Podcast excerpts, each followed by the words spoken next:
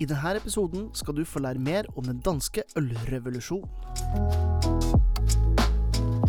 Hallo, ølgærninger, og velkommen til Ølprat, podkasten som leverer entusiasme og ølkunnskap rett i øret ditt. Mitt navn er som alltid Jørn Idar, og i dag så tar vi en liten tur nedover Memory Lane eh, og tilbake en ti års tid, når eh, den danske ølrevolusjonen eh, skjedde, og alt som har skjedd fram til den dag i dag. For dagens gjest er nemlig Christian Andersen, som har vært en eh, sentral ølskribent, eh, frilanser gjennom hele denne perioden, og har vært med på mye spennende opp igjennom.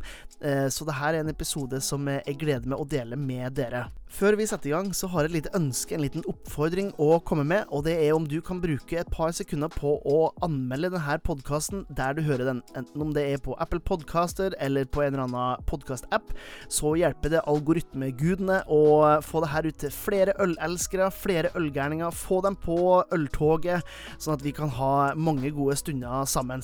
Um, og hvis du ikke har lyst til det, ja, hva med å bare tipse en eh, ølglad kompis eller venninne om denne podkasten? og del eh, av eh, ølgleden. Nå er det nok snakk. Det er på tide å fylle kaffekoppen, eventuelt glasset, med noe høyt skummende, og lene tilbake for denne episoden av Ølprat. Da ønsker vi velkommen til ølprat fra vårt broderland i sør, nemlig Danmark, en, eh, en, mann jeg traff for første gang, om jeg ikke husker helt gærent, på starten av eh, 2011-2012, eh, et eller annet sted. Og har siden fått lov til å følge gjennom både sosiale medier og skriving og bok og i det hele tatt. Så jeg ønsker bare velkommen til Ølprat. Christian Andersen, velkommen. Takk skal du ha. Takk. En fornøyelse.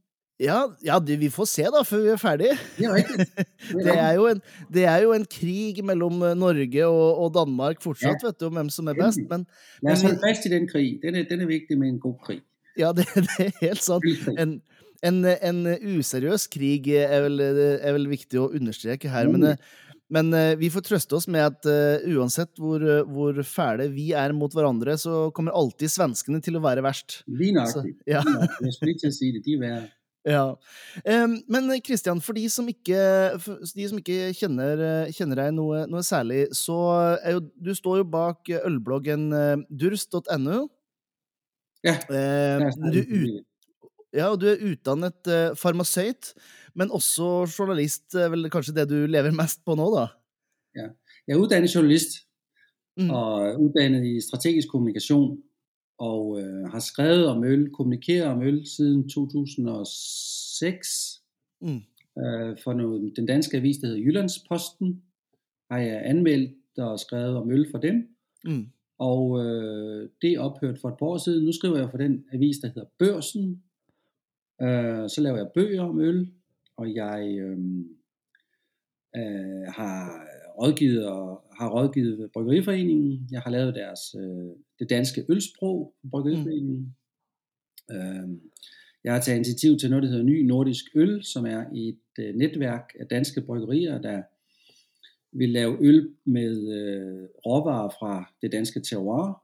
Mm. Øh, jeg har taget initiativ til noget, der hedder Det Fri Øl, som er en sammenslutning af bryggerier, øh, en alternativ til Bryggeriforeningen, et, øh, en forening af de små bryggerier, fordi øh, markedet er helt, helt anderledes for dem. Øh, de kæmper en ulige kamp, kan man sige, og det er en internationalt bevægelse med de frie bryggerier, der slår sig sammen for at øh, tale deres sag. Mm. Så jeg som sagt blogger, har været det både på Jyllandsposten og har også min egen blog nu. Der er ikke så meget liv i den for tiden, men det kommer der. Ja, man skal jo ha tid til å gjøre alt. Og, men det, det vil jo ta det litt sånn tilbake til, til de til gamle dager, skulle jeg si. Men, men hvor kom din eh, interesse for øl? Eh, hvordan ble den skapt? Det er en blanding af... af, af jeg, jeg, er en, jeg er en storyteller. Jeg er en historiefortæller, som øh, måske på grund af, fordi jeg er journalist. Mm. Og så er jeg også øh, elsker at smage på god mad og drikke. Og i 2006, der sad jeg til et, øh, et selskab med vinanmelderen på Jyllandsposten, og han. Beklagede sig over, at nu kom der alt det der spændende øl frem, og han orkede ikke alt det øl. Så rakte jeg hånden op, fordi jeg vil gerne fortælle den gode historie om øllet. Øhm, og fordi jeg er historiefortæller, så kunne jeg jo se, at der var ikke nogen, der rigtig øh, fortalte den historie øh, fra Nej. danskerne. Det var virkelig øh, på et meget, meget lavt niveau. Altså det var Mm. mm. virkelig amatøragtigt, det der kom frem. Vi har en vinanmelder i øh, Danmark, der hedder Søren Frank på Berlingske Tidene. Han er rigtig, rigtig dygtig. Han har været der i en årrække og så skrevet bøger om vin. Mm. Og så tænkte jeg, jeg vil være Danmarks nye Søren Frank. Ja. det er jeg ikke blevet endnu. Øh, men man må godt have nogle ambitioner, ikke også? Så, ja, ikke sant? så jeg har skrevet tonsvis af anmeldelser til forskellige aviser og magasiner og på min blog. Mm. Og så øh, har jeg også begyndt at lave bøger. Mm. Og øh, den mest kendte bog, jeg har lavet, er øh, Den Nøgne Øl, mm. som er grundbogen, verdens første grundbog om pilsneren. Og den lavede jeg for et par år siden sammen med min gode ven øh, Jens Eiken, der er brygger. Han har været brygger på Jacobsen, og han har Mm. været brygger på Carlsberg og Molson Coors og øh, andre store bryggerier. Mm. Virkelig, virkelig en dygtig brygger. Og det er jo Øh, en, det, altså pils, det er jo en, eh, en ølstil som er veldig eh, sammenknytta med, med den danske ølhistorien, og kanskje spesielt eh, Carlsberg, da. I høj grad. I høj Mm. grad. Kan du ikke si litt grann om, om eh, Når man først skal skrive en, en ølbok, hvorfor, eh, hvorfor skrive bare om, om én eh, stil? Jeg er helt vild med den øltype, og har altid været vild med den øltype. Lad os bare kalde den pilsner, vi kan også kalde den lyse lagerøl. Og så Mm. tager vi øh, Dortmunder med, vi tager Helles med og den slags. Mm. Øh, og så kunne jeg jo se, og der kommer storytelleren igen frem, at, at, øh, at den var, havde et dårligt image derude. Der var ikke rigtig nogen, der lavede pilsneren i, nu taler vi om craft beer Ja, ja. bryggerierne. Øh, de lavede den ikke, og når de endelig lavede den, så var den ikke særlig god. Jeg tænkte, hvad sker der her? Samtidig, så var craftbryggerne jo ude med, øh, øh, de gik i krig med, med, med, med, med dem, der lavede pilsner. Mm. Mm. Det var faktisk derfor, de gjorde oprør. Det er derfor, man kalder det ølrevolutionen, fordi man gjorde oprør med den herskende øltype, og det var pilsneren, og er pilsneren stadigvæk. Men den der story, den synes jeg skulle fortælles, fordi der findes virkelig, virkelig gode pilsnere derude, og når en pilsner er virkelig, virkelig god, så findes der ikke bedre øl i hele verden. Det er Nej. den slags øl, der får omvendt ikke øldrikkere til øldrikkere, og det er dem, der holder fast i den resten af deres liv, fordi den er så forbundet med jorden, og så forbundet med ægthed, og så for- forbundet med historie og velsmag, så den må, den må, den trænger igennem, men den skulle have hjælp på det tidspunkt. ja. Og det fik jeg den. Den fik jeg til at blive rehabiliteret, pilsneren. Mm. Og jeg tog på studietur, du må afbryde mig, nu, nu, Nej, nej, nej. nu, nu er vi inde i pilsneren, Ja. ja. og så kan Christian Andersen snakke. øh, altså som sagt, det, er- det er verdens første grundbog om, om pilsneren, og den er på 377 sider. Mm. 377 sider. Men den er blandt andet baseret på studierejser til de steder i verden, hvor de virkelig kan lave pilsner. Og det er, Janita, kom med dem, de tre steder. Eh, nei, det, det, det blir vel en fornærmelse å, si, å ikke nevne Danmark, da. Eh, som Nei. Vil jo påstå jeg, jeg, jeg tør å påstå det i forhold til Hvis man ser historien for den norske pilsen, Ja. så kommer jo veldig, veldig mye av inspirasjon fra Danmark. Ja. Eh, men det er jo selvfølgelig vanskelig å komme under Tyskland og, og Tsjekkia inn i det også. Det er tyskerne. Mm. Og i Tyskland er det det område i den nordlige del af Bayern, der hedder Franken. Og de byer, der ligger i Franken, det er typisk øh, Bamberg, Nürnberg og Bayreuth. Der var jeg nede og talte med øh, en lang række bryggere og lavede interviews med dem og anmeldte deres pilsnere. Mm. Så var jeg til Tjekkiet og lavede samme øvelse der, talte med bryggere, de bedste pilsnerbryggere, anmeldte deres pilsnere. Og så var jeg i USA, Ja, OK. fordi øh, USA er jo øh, powerhouse inden for craft beer. Det er jo der stort set alle tendenser de kommer fra. Og det er der al udvikling kommer fra, stort set. Der er selvfølgelig Quake, Quake i Norge, Jo, det må jo. vi sige. Den har I, og tillykke med det, og jeg er Jo, meget, tak. meget misundelig. Meget misundelig, det kan vi komme ind på, hvis vi får tid til det. Men amerikanerne, de har jo opdaget, fordi de er længere fremme i ølrevolutionen. Altså de, de, deres udviklingstrin er simpelthen længere end i Norge og Danmark og Mm. mm. Tyskland og England og Frankrig og Italien. Meget længere. De er måske 5-10 år længere end vi er. Mm. De var kommet på et tidspunkt, hvor de sagde, ja, okay, det er fint med alt det humle, alle de grænsesøgende øl, og de bitterheden, og alle de underlige ingredienser. Øh, vi skal til back to basics. Ja. Så det vil sige, at der kommer flere og flere bryggerier i øh, USA, der har en kærlighed til pilsneren, og har kompetence til at lave den. Øhm, og så kom der faktisk også bryggerier i USA, der udelukkende laver lagerøl, eller undergivet Mm. øl, med, med vægt på pilsneren. Så der var jeg i Oregon, som er en stat nord for Kalifornien, og der kan jeg virkelig, virkelig anbefale øh, ølfolket at tage over til Oregon. Øh, Portland er hovedstaden, Mm. som er helt Fan, fantastisk ølby. det Helt er vild. bryggerier, det er forhandlere, det er bare, den har det hele. Ja, og det, det mange kanskje glemmer litt sånn oppi det hele For det det vi tenker som, som pils i dag, er jo noe som ja, de, jeg vil si De fleste øldrikkeren tenker på pils som noe europeisk. Men så glemmer man at sånn som Bud Light og eh, Bush og alt det her, det, det kommer jo fra eh, tyske familier, altså fra emigrantfamilier som kom fra Europa og dro over. Og, og jeg har jo alltid, jeg har alltid påstått det at når, eh, når de første, altså de første 10-50-100 årene med Budwiser, så tror jo det at jeg, jeg tror det at det måtte ha vært en fantastisk god øl. Og så har jo på en måte den industrielle revolusjonen og eh, det her jaget etter penger gjort at det har blitt en øl som smaker mindre og mindre og mindre og mindre og så videre. Så, men eh, det er jo noe man glemmer. Jeg hadde en, en ølsmaking her med faktisk den meksikanske ambassaden. Ja. Eh, og det er det jo eh, Modeo, som, som blant annet er jo kjent for å produsere eh, korona. Ja. Men de lager, jo, de lager jo tysk amber, altså eh, type bokkøl. Ja. Eh, Miks mellom bayer og bokkøl, egentlig, Mhm. i, i eh, Eller Münchner Dunkel, da. Og det er, det er noe som jeg tror man glemmer litt når man eh, ja, når man, når man blir litt sånn fin Mhm. på smakene og, og hele tatt, og tenker at en Budwiser det er ikke noe å tenke på, men Ja. historiene kommer jo herifra. Noget, der også fyrede op under min entusiasme, under min research med bogen Den Nøgne Øl, det var, at når man talte med bryggerne, så skulle man nærmest slukke telefonen. Man skulle nærmest, øh, du ved, øh, være lidt i skjul, og så sagde de, ja, at the end of the day, så er det Mhm. simpelthen pilsneren, som de drikker. Ja. Og, og, og de, der er nogen, der går et skridt videre, blandt andre Charles Bamford, Charlie Bamford, som også hedder The Pope of Foam, der er en stor stemme i den internationale ølverden. Mange bøger og, og en forsker inden for, um, for biokemi, tror jeg nok, på University Mm. of California. Han siger, at når han besøger et nyt bryggeri, så beder han altid øh, om pilsner som den første øl, fordi Ja. ja. hvis øh, de kan lave en god pilsner, så kan de lave rigtig god øl. Ja, ikke sant? Mange af de her statements øh, om pilsnerens tekniske kvalitet, og den, svær, den er meget, meget svær at lave, Mm. det gav mig bare endnu mere fart under luft under vingerne for at skrive en rigtig god bog om pilsner.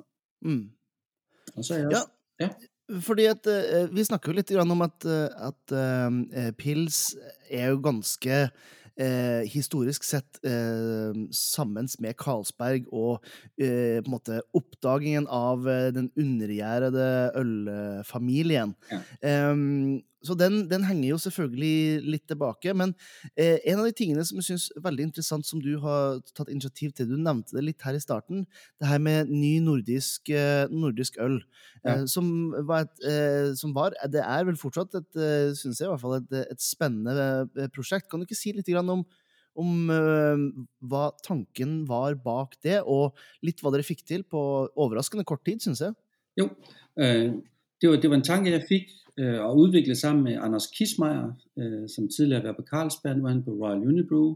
Han har også øh, haft sin egen virksomhed. Anders Kismeier, han er nok den mest kendte brygger i Danmark, tror jeg, i Mm. dag. Altså hvis man fraregner alle craft bryggerne, ikke også? Ja, ja. Men Anders Kismeier, og så kontaktede jeg ham, skal sagde, skal vi ikke øh, udvikle en dansk øl sammen? Og mit, min egentlige vision, det var at udvikle en, faktisk altså en, en kvæk, om man så må sige. Den danske, Ja. en særlig dansk øltype. Mm. Mm. Hvordan den skulle være, det vidste jeg faktisk ikke. Jeg havde nogle idéer til det, men jeg, jeg vidste det ikke. Jeg tænkte bare, hvis jeg går sammen med gode folk, så kan vi udvikle den sammen. Bryggeri, øh, øh, samarbejde mellem bryggerier. Og så kontaktede jeg Anders, han var klar på den. Og Per Kølster fra det bryggeri, der hedder Kølster, han er også øh, andre poster inden for den økologiske verden i, i Danmark. Okay. Øh, han sluttede sig også til, så vi, os tre, vi udviklede ny nordisk øl, og det var, min tanke var at lave, som sagt, en dansk, øh, en dansk, særlig dansk øl. Mm. Øh, Anders' tanke var en lille smule anderledes. Han sagde, vi skal lave en dansk øl, men den skal laves på, øh, den skal laves på lokale råvarer. Øh, jeg var sådan mere optaget af, at den skal bare være god, kan man sige. Ikke? Ja. øh, men, men lokale råvarer, og når man har sagt lokale råvarer og Danmark og øl, mm. så har man sagt, det, det bliver godt nok svært at få humle i den her øl. Ja. og øh, vi havde en event, en, en, den, en af de første events, vi havde, var en event, der gik ud på at lave, lave vi, vi, vi opfordrer de danske bryggerier til at lave en øl uden humle. Mm. Uh, for nu, nu, nu, nu tager vi, kan vi lige så godt tage den head on. Øl uden humle. Der kom 16 bud fra bryggerier i hele Danmark på øl uden humle. Og der var flere af dem, der var udrikkelige. Ja. Blandt andet en, der var brygget på fire forskellige slags hø. Altså de ja, mikro, det, det husker jeg. Mikroorganismerne i hø, fire forskellige slags. Den smagte af ensilage eller sådan noget, du ved, ja, mm. noget gæret græs -agtigt. Det smagte virkelig, virkelig dårligt. Ja. Men der var også nogle øh, varianter blandt de her 16, som smagte fuldt ud lige så gode som en gennemsnitlig god craft beer. Mm. De var balancerede, de havde bitterhed, ja, det er det tit, det er balanceret, ikke? Så, så, og de havde krop, og de havde en god fortælling, og en god grundsmag, og en dybde i smagen, som man øh, søger. Så jeg synes faktisk, vi, vi, øh, vi, vi, vi fortalte en god historie om, at øl det er andet end, end, end bare øh, med, i, i gåsetegn, ikke også? Eller i recitationstegn. Ja, ja. Bare, en øl med humle, ikke også? Ja, og, og jeg tenker det er jo noe som Der var dere jo nesten, i hvert fall i forhold til hvor vi er hen i Norge, så var dere jo egentlig litt forut for for eh, den, den tiden som vi er i nå. Når, for nå først har vi i Norge muligheten til å lage øl med eh, Du nevnte jo kveik da, som, som gjærestamme, så det er jo én ting. Men det har jo ikke vært tilgjengelig eh, malt i Norge før de siste fem-seks årene. Eh, og jeg husker jo enda den eh, Mark Hø fra Herslev, Ja. Eh, som jo brukte, som sa, høy i stedet for humle, og Mm. eh, hvor, eh, hvor overraskende det var for min del å tenke øl på en, på en såpass lokal måte. Hvordan Hva har på en måte blitt um, eh, ettermæl, altså det legacy, da, av, eh, av det her prosjektet? Ja, altså har det vært noe formet? det er et godt spørgsmål, øh, og jeg er nok ikke den rigtige til at svare på det, fordi jeg er lidt biased, men, øh, men jeg tror, at Herslev har fået øh, endnu mere lyst til at lave øl med hø. Han laver forskellige varianter med hø. Mm. Jeg tror, bryggerne har fået endnu mere lyst til at bruge øh, frugt, andre smagsgiver for at balancere øllen. Øh, det er nok det, der er kommet ud af det umiddelbart. Det er en Ja. blivende, jeg tror, det er en blivende tendens. Øh, om den er helt forstærket, om, om ny nordisk øl for, var, var den helt store drivkraft, det er et godt spørgsmål, men, men vi har i hvert fald fortalt den historie om, at man kan sagtens lave noget dansk, godt dansk øl, øh, hvor man bruger ingen humle, eller minimalt brug af humle. Mm. Ap- Apropos øh, gæren, og det er måske det allermest interessante element i, i den her historie. Vi allierede os med Troels Pral, som er teknisk direktør i White Labs, en af verdens mest kendte ja. øh, fabrikanter af gær. Og de har kontor i København, og han, øh, ham arbejdede vi sammen med. Og et, et- projekt, vi havde i Ny Nordisk Øl, var, øh, vi kaldte det gærprojektet, eller Mm. vandregærprojektet. Der var 10, 10 bryggerier, der brugte en gær, som var um, isoleret fra øh, nogle æbletræer øh, syd, sydlige del af Danmark. Den her han Mm. isoleret øh, Troels Pral. Øh, og det, var, det er jo helt fantastisk, med, hvis man kan, hvis man kan lave en, altså gær, er jo, den, den kan jo definere terroiret øh, i høj grad. Så absolut, så absolut. Og, og det, øh, der fik vi nogle virkelig, virkelig fine ud, øl ud af det, i, mm. i de 10 bryggerier, der var med. Det var store bryggerier, der var med. Blandt andet ja. og sådan nogle ting. Så, så gæren, den, øh, den vil jeg gerne, hvis jeg skulle følge op på det her projekt øh, for alvor, så vil jeg kigge på gæren, tror jeg. Mm. Så går, går tiden eh, litt. Grann. Jeg har jo hatt eh, gleden av å jobbe med, med flere danske mm, bryggerier de siste 10-12 yeah. årene. Yeah. Eh, blant annet Midtfyns brygghus og Hornbeer og eh, Skans og en, en del andre eh, bryggerier. Og det har jo skjedd eh, enormt mye. Ja. En av de En av de som ja, det er kanskje feil å si at de satte ja, de satte Danmark på craft beer-kart. Det var jo, var jo Mikeller ja. eh, med sin etter hvert entourage da, i to øl og, og alle disse som, som, eh, fikk et utspring fra det. Ja. Um, men så skjedde det jo noe som eh, overraska meg, eller ikke overraska meg, men som i hvert fall fikk meg til å, å tenke litt, når dere starta opp uh, det, frie, det, frie, øl. Um, med at man det er jo ikke feil at man sier man gikk imot uh, den bryggeriforeningen i Danmark, men i hvert fall et, et alternativ til. Ja. Um, hva var Hvorfor? er vel kanskje spørsmålet. Hvorfor velger man å, å gjøre det på den måten? Markedet blir klemt år for år i Danmark. Vi har 220-30 bryggerier, kommersielle bryggerier i Danmark, men de blir mer og mer lokale. Mm. Um, så det er byens bryggeri, og det er det. Øhm, og grunden til det, det er meget enkelt, det er, at øh, de store bryggerier, de øh, laver aftaler øh, med bar, restauranter og supermarkeder ikke mindst. Og det vil sige, at de små bryggerier har ikke en chance, hvis de ikke slutter sig sammen. Eller deres øh, chance for succes bliver større, hvis de slutter sig sammen. Det var, mm. det var filosofien bag det. Taler de små bryggeriers sag.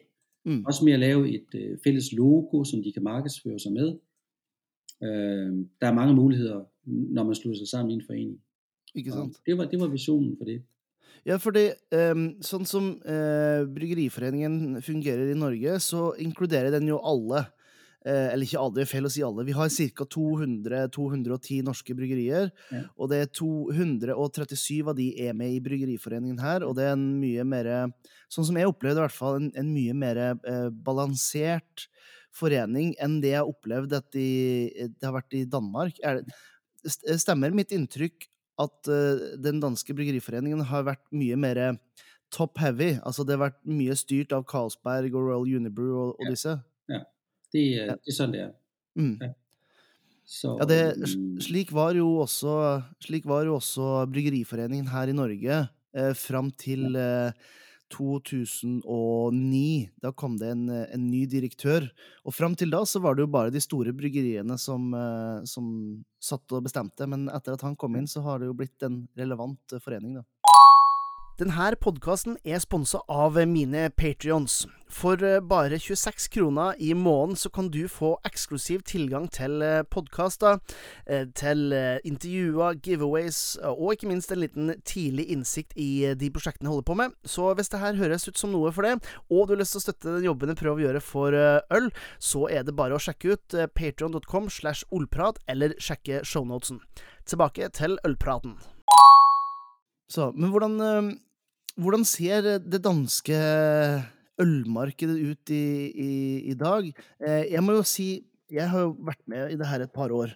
Eh, jeg tror første gang jeg traff deg i København, det, var, det, var, det måtte ha vært i, i, starten av 2012, mm. ser jeg nå.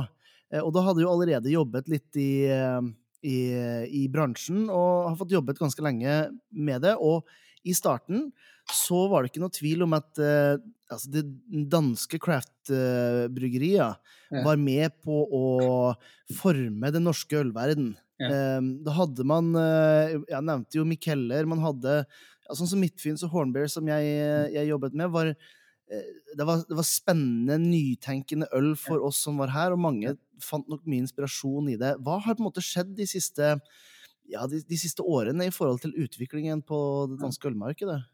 Hvis du, hvis du tager, tænker på kvalitet og typer øl, så er der ikke sket ret meget. Nej. Øh, det står virkelig stille, mm. øh, synes jeg. Øh, det er øh, IPA, der styrer gamen. og det er Juicy og Hazy IPA, der styrer gamet. Mm. Øh, det mest cool, du kan lave, det mest hyped, det er de der Juicy og Hazy IPAs. Og det er det, de Ja. ja. gør. Øh, det er det ene. Og, og, og så er de blevet mere, øh, altså det er mere økonomien, der styrer nu, end det var Ja, før. okay. Og det vil sige, at øh, tag bare Mik Mikkeller, som har været den største trækdyr, det største driver for udvikling, det har helt klart været Mikkel Borg Bjergsø. Mm. Øhm, på alle mulige måder. Men han er måske det bedste eksempel på, hvordan udviklingen er i dag. Mm. I går gik han ud og sagde, at øh, det vil ikke undre ham, hvis halvdelen af hans omsætning kommer i fremtiden kommer fra alkoholfri øl. Ja.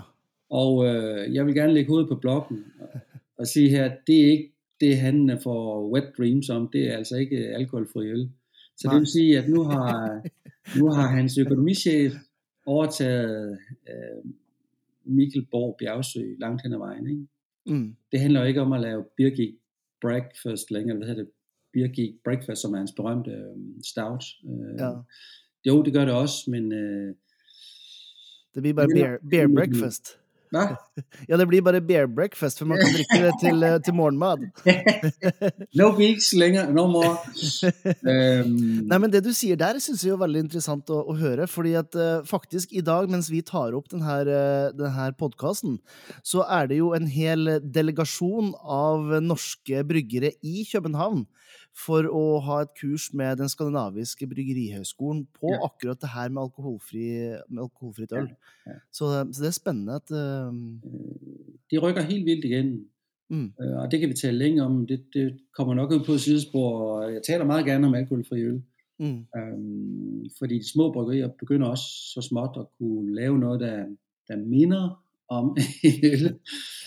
Så, øhm, men det er, et- det er et hot topic øh, Ja. blandt de danske bryggere. Jeg, jeg tror, jeg, de er ved at finde sig selv, dels på grund af udviklingen. Danmark var det første land i Europa, der tog øh, ølrevolutionen fra USA til sig. mm, Øh, og, og det var en kæmpe eufori, øh, og det var anything goes, og alle var glade. Men, men, men markedet er ved at finde sig selv øh, for tiden, øh, og, og økonomien er kommet i høj grad ind. mm. Det vil sige, at vi, vi kommer til at se flere subbrands, for ligesom at fyre op under et eksisterende brand. Vi kommer til at se en del tap rooms, øh, altså hvor bryggerierne selv har egne barer, fordi så slipper de jo for at betale mellemledet. Øh, Ja, så det kommer vi også til at se en del af. Øh, bryggeriet Åben, øh, han laver tap rooms, Amager Bryghus laver tap rooms, Mikkeller selvfølgelig, som Mm. han var den første, der gjorde det.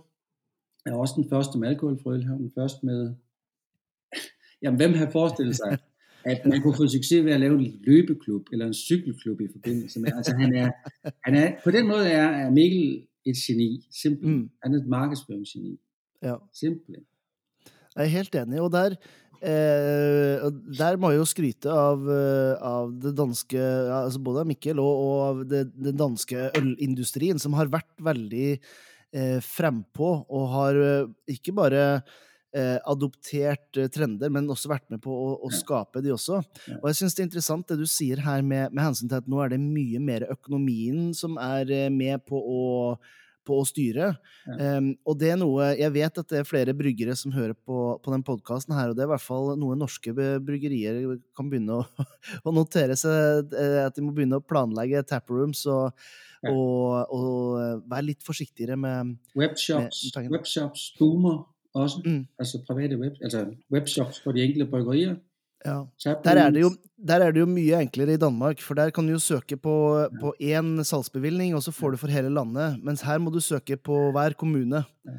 Så da har du jo 368 eh, søknader man må, man må stille. Så litt, Det er trist, ting, det er tragisk.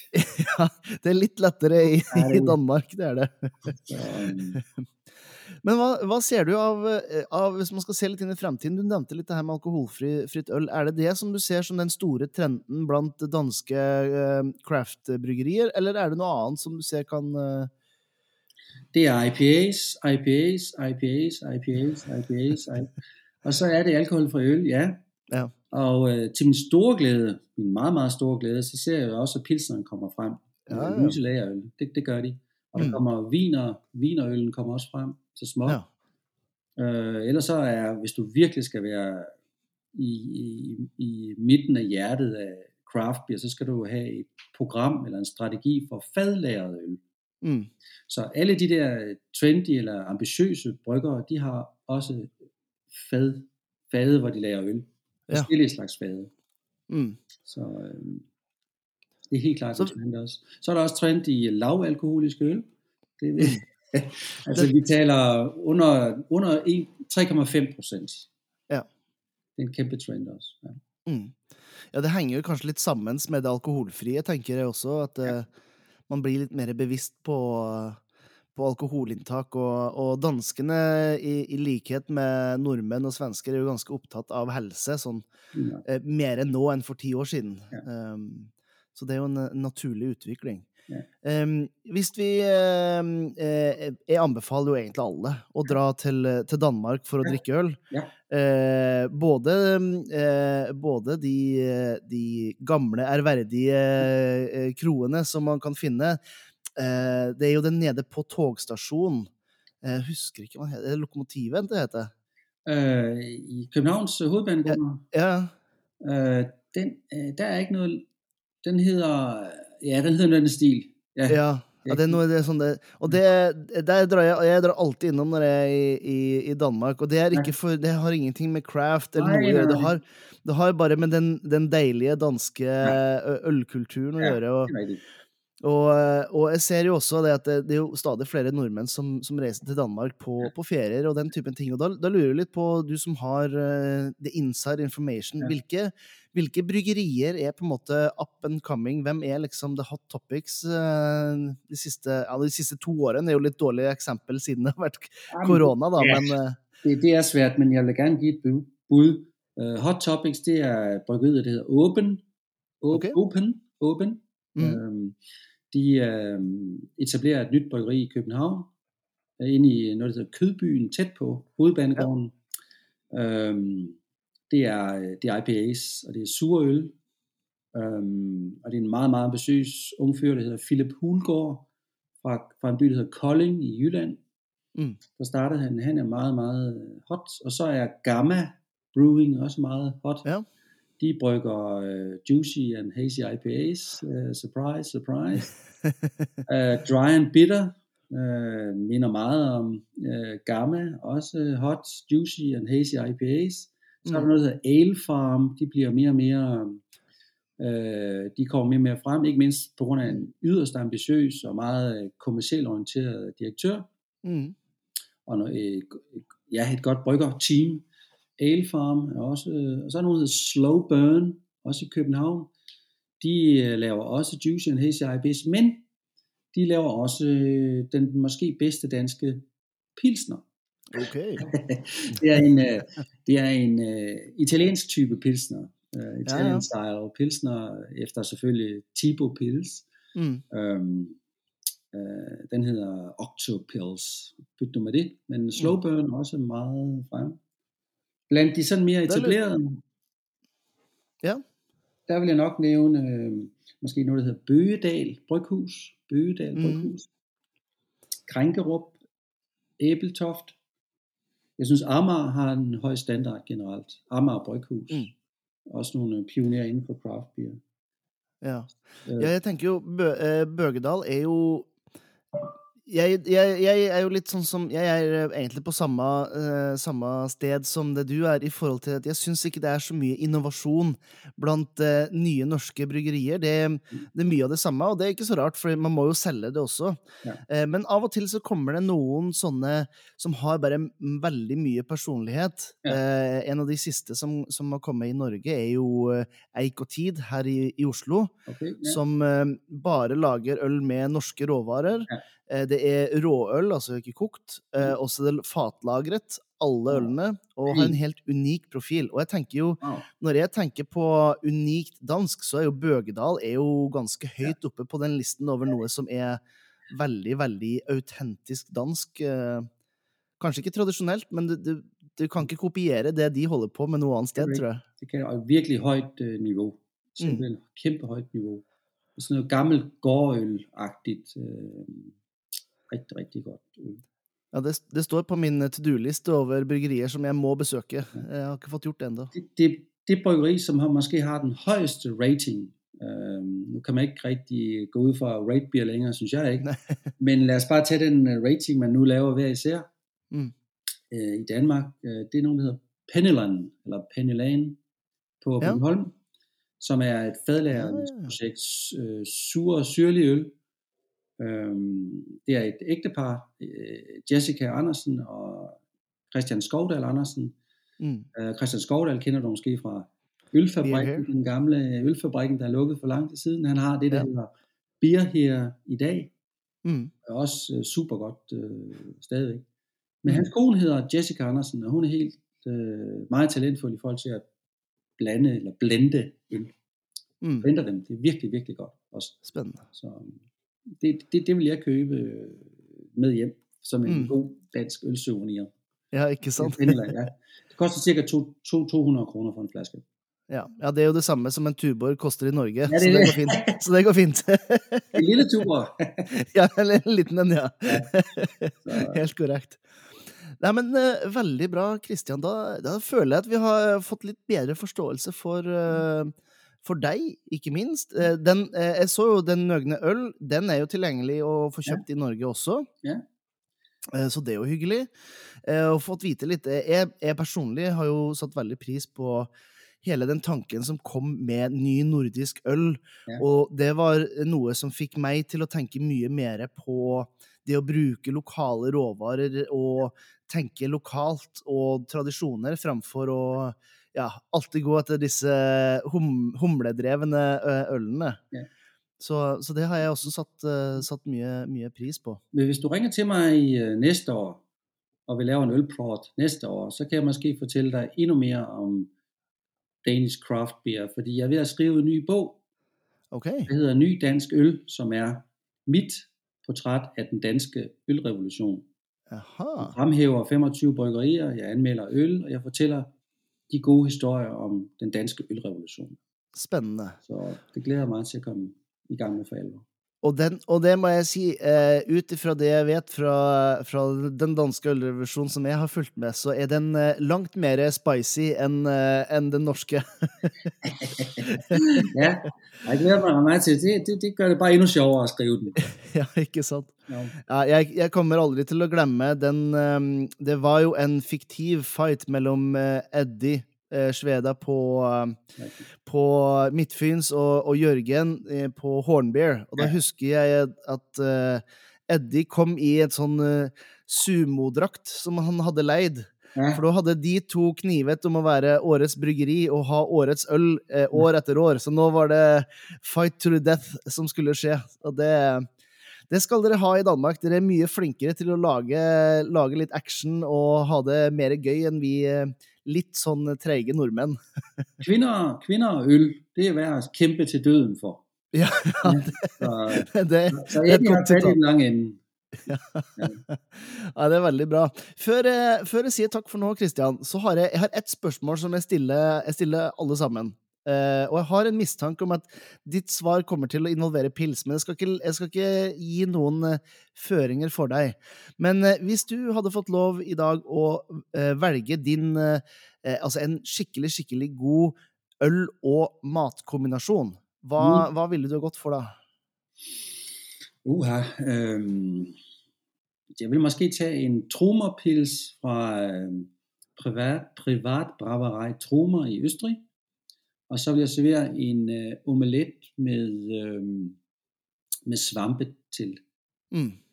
Øhm, det vil jeg sige, var, en, var, den er meget, meget skrøbelig, meget fin og meget sprød, og meget malt, og meget sådan, ja, terroir-agtig Ja. pilsner, ikke også? Og så er den jo lavet med åbne gæringskar og, ja, og lokale råvarer. Ja. Øh, og den, den der sprødhed og den der øh, friskhed øh, og bitterhed vil gå helt perfekt til æg og, og, og svampe, vil jeg sige. Mm. Mm. Også er jo en sprød og lækker ret. Måske en anelse mere umami-mættet end, end, end, end øllen selvfølgelig, men, men wow, der vil jeg føle mig i live. Da hadde, da hadde livet smilt. Ja, Ja. Da, da, hadde, li- da hadde livet vært helt fint. så kan man klare en dag mere. Ja, ikke sant? Nei, men Kristian, da sier jeg bare tusen takk for en hyggelig prat. Selv takk. Og så håper jeg vi får en mulighet til å treffes fysisk igjen snart, så vi kan ta oss en god bayer sammen. Meget gjerne. Meget gjerne. takk for praten. Takk, takk. Tusen takk til Kristian for en meget god ølprat, og ikke minst tusen takk til det som hørte på. Som alltid, hvis du vil ha mer Jørn Idar i monitor, hvis du vil ha mer ølprat og inspirasjon, så kan du sjekke ut eh, høytskum.no. Helt ny hjemmeside som er satt opp. Eh, der finner du oppskrifter, artikler og mye mer. Du kan eh, finne meg på Facebook og på Instagram. Bare søk opp eh, Jørn Idar med høyt skum, så finner du det. Og hvis du vil ha nyheter og andre ting, så er det jo selvfølgelig Ølportalen, som jeg fortsatt skriver for, som du bør eh, sjekke ut. Da gjenstår det bare for meg å si takk for følget denne gangen, og ber deg om å huske at livet er for kort for å drikke dårlig øl.